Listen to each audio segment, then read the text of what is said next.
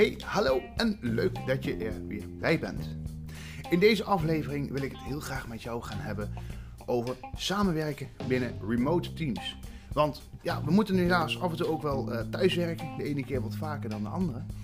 En wat we daarvoor kunnen inzetten zijn een legio aan tools. Microsoft Teams, we hebben Slack, we hebben FaceTime, we hebben WhatsApp en al die tools zijn ontzettend goed in jou te helpen bij de onderlinge communicatie. Waar ze je alleen niet bij kunnen helpen is die communicatie zelf. In deze aflevering geef ik jou 5 tips die jou gaan helpen in een betere communicatie bij het gebruik van dat soort digitale tools.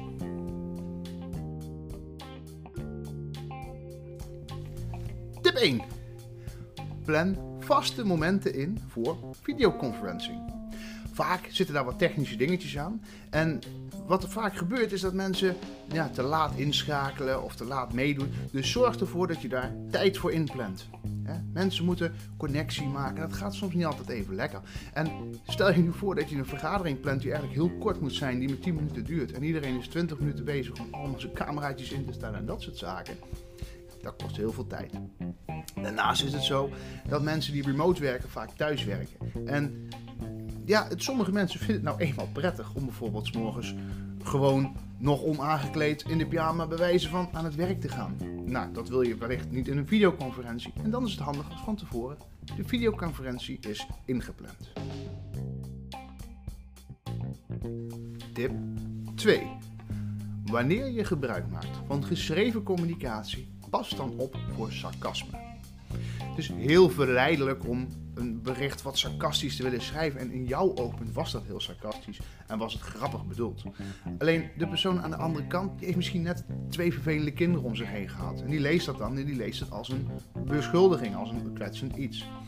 Zorg er dus voor dat je sarcasme probeert te vermijden. Hou het in de communicatie als het gaat om geschreven berichten zoveel mogelijk algemeen. Nummertje 3. Wanneer je een complex probleem moet bespreken of iets waar emotie bij loskomt, dat soort vraagstukken, kies dan voor videoconferentie.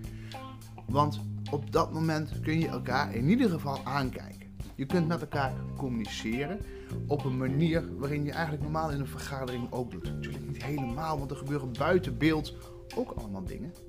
Maar wat er in beeld gebeurt, mimiek, de expressies bij mensen op het gezicht, die kun je nog wel aflezen. Dus daarmee kun je in ieder geval een betere inschatting maken of jouw boodschap goed overkomt. Tip nummer 4. Wat heel verleidelijk is in al die chatapplicaties is om één op één gesprekken te starten. En dat is heel leuk, alleen als je met een team samenwerkt, moet je er ook rekening houden dat jouw collega's die berichten niet kunnen zien. En misschien zijn die wel best wel belangrijk, misschien hebben ze daar best wel een inbreng in. De tip die ik jou hier wil geven is: maak gebruik van functionaliteiten als threads, als topics, dat soort zaken. Mensen kunnen zich daarvoor uitschrijven. Ze hoeven niet per se te luisteren naar wat jij continu zegt of te lezen wat jij continu schrijft in dit geval. Maar ze kunnen wel zien wat er geschreven is en ze kunnen eventueel meepraten als het voor hun wel belangrijk is. En tot slot tip nummer 5. Doe af en toe eens iets leuks. Stuur een leuk gifje. Stuur een leuk plaatje. Een grappige video. De dingen die jij normaal gesproken als je met je collega's op je werk bent, ook bij de koffieautomaat doet. Pas daar wel mee op. Want ja, soms is de verleiding nogal groot dat er vervolgens een, een soort, ja, moet ik het zeggen, vliegwiel ontstaat. Hè? Mensen vinden het dan leuk om, oh, ik heb ook een leuk gifje, oh, ik heb ook een leuk plaatje. En voor je het weet is de hele organisatie bezig met het versturen van leuke gifjes, plaatjes en video's. Probeer het wel te beperken. Maar als je iets leuks hebt en je wil je collega even een keer een glimlach op het gezicht geven, laat het dan niet om ook af en toe eens een keer even iets grappigs of iets leuks te versturen. Wat je hierbij kunt doen, en dit is eigenlijk tip 5.1, maak even een aparte kanaal aan. Hè. In, in, als je Slack gebruikt kun je kanaal aanmaken. In, in Microsoft Teams kun je ook zoiets doen. Maak een apart kanaal aan voor fun. Dat mensen af en toe even kunnen kijken, even uit hun dagelijkse sleur en even dat bezoekje aan die koffieautomaat kunnen brengen. Dit waren mijn 5 tips beter te communiceren wanneer je niet bij elkaar zit.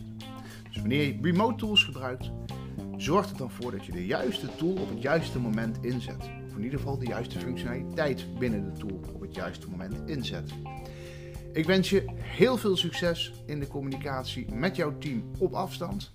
En tot de volgende keer. Ciao!